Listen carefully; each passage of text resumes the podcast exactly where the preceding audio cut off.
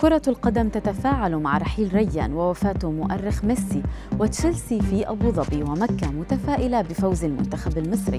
هذه الأخبار وغيرها تتابعونها على العربية بودكاست.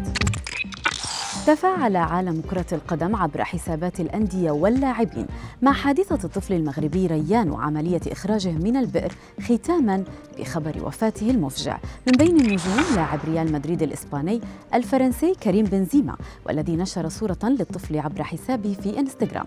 فيما علق لاعب المنتخب الجزائري ونجم مانشستر سيتي الإنجليزي رياض محرز ريان الله يرحمه على تويتر.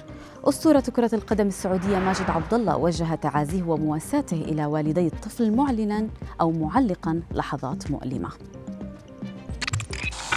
ونكمل مع الأخبار الحزينة. ويكيبيديا ميسي يغادر الحياة حيث توفي المشجع دون هرنان. عاشق النجم الأرجنتيني ليونيل ميسي عن عمر ناهز المئة عام. الوفاة جاءت بعد أشهر قليلة من تهنئة ميسي له بعيد ميلاده.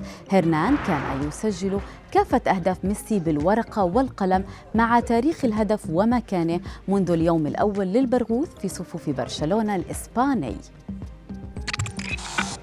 بصورة قرب مسجد الشيخ زايد وثق نادي تشيلسي الإنجليزي وصوله إلى العاصمة الإماراتية أبو ظبي للمشاركة في نصف نهائي كأس العالم للأندية. وسيواجه النادي اللندني الفائز من مباراة الهلال والجزيرة. من جهته حظي نادي الهلال بدعم كبير من محبي ومن شخصيات فنية وسياسية. من بينها السفير الياباني لدى المملكة العربية السعودية والسفير الفرنسي كذلك.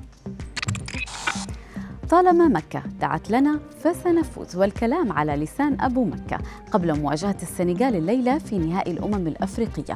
قائد المنتخب المصري محمد صلاح كشف في المؤتمر الصحفي الذي يسبق المباراة أن ابنته مكة تريد عودته إلى البيت سريعا وأضاف أنها كانت تريد الحضور إلى الكاميرون لكن طول ساعات السفر منعها من الحضور.